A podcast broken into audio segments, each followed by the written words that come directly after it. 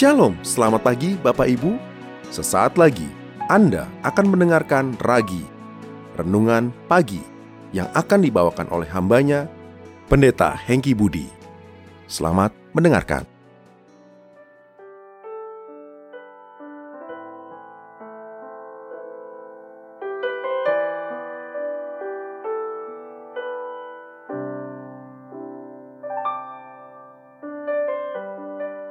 Shalom Bapak Ibu, kebenaran hari ini dengan judul konsisten.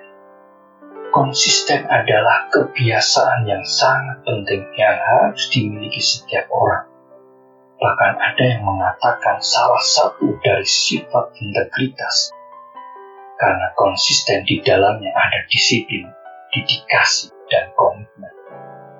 Konsisten itu sendiri artinya tidak berubah-ubah, tetap pengulangan atau tindakan yang dilakukan dengan cara yang sama dari waktu ke waktu.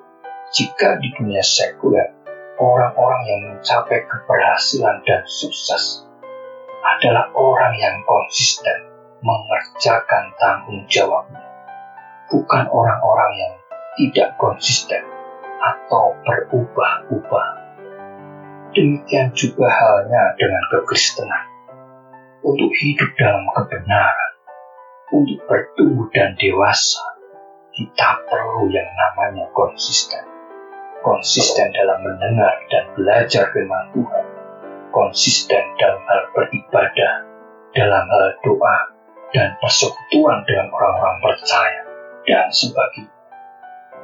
Dalam Injil Lukas pasal yang ke-18, ayat 1 sampai ayat yang ke-8, Yesus sedang memberikan perumpamaan tentang janda yang gigih yang memohon kepada hakim yang jahat agar kasusnya dibela.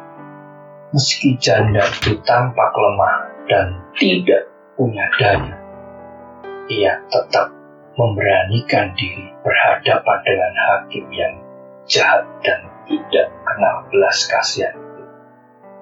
Karena pantang menyerah, dan tidak mau tinggal diam dan terus meminta jawaban permohonannya. Akhirnya hakim itu yang menyerah. Kita tidak tahu berapa lama waktunya, tetapi akhirnya hakim itu menyanggupi permintaan janda itu. Perumpamaan ini digambarkan oleh Tuhan Yesus sebagai doa yang tidak boleh jemu-jemu doa yang konsisten, doa yang penuh ketekunan seperti janda tersebut. Bahkan ia akan membenarkan orang-orang pilihannya yang siang malam berseru kepadanya dan tidak akan mengulur-ulur waktu untuk menolong. Berdoa dengan tidak jemu-jemu adalah perwujudan dari iman kita yang sangat bergantung kepada Tuhan. Bukan bermaksud ingin memanipulasi Allah agar dia memberikan atau mengabulkan semua keinginan kita semua. Tetapi di dalam doa ada percakapan timbal balik sampai hati kita diubahkan dan dipenuhi dengan kehendaknya.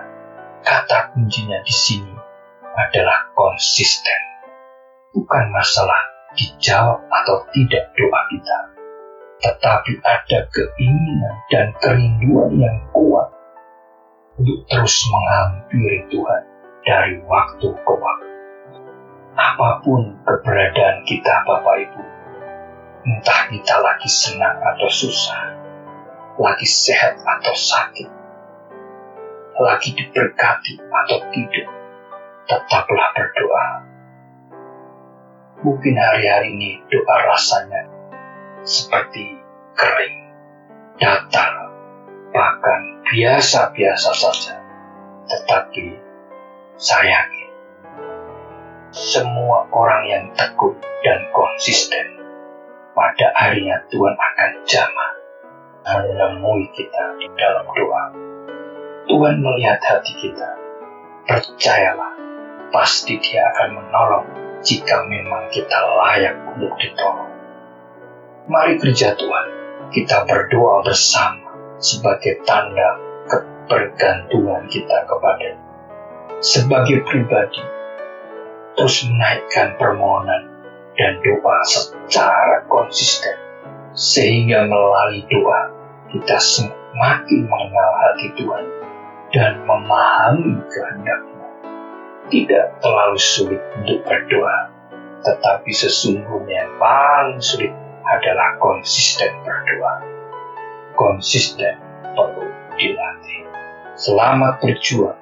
Tuhan Yesus memberkati. Sola Gracia. Terima kasih. Anda baru saja mendengarkan Ragi, Renungan Pagi, Persembahan Gereja Suara Kebenaran Injil, Making Life Better, Balikpapan. Tuhan Yesus memberkati.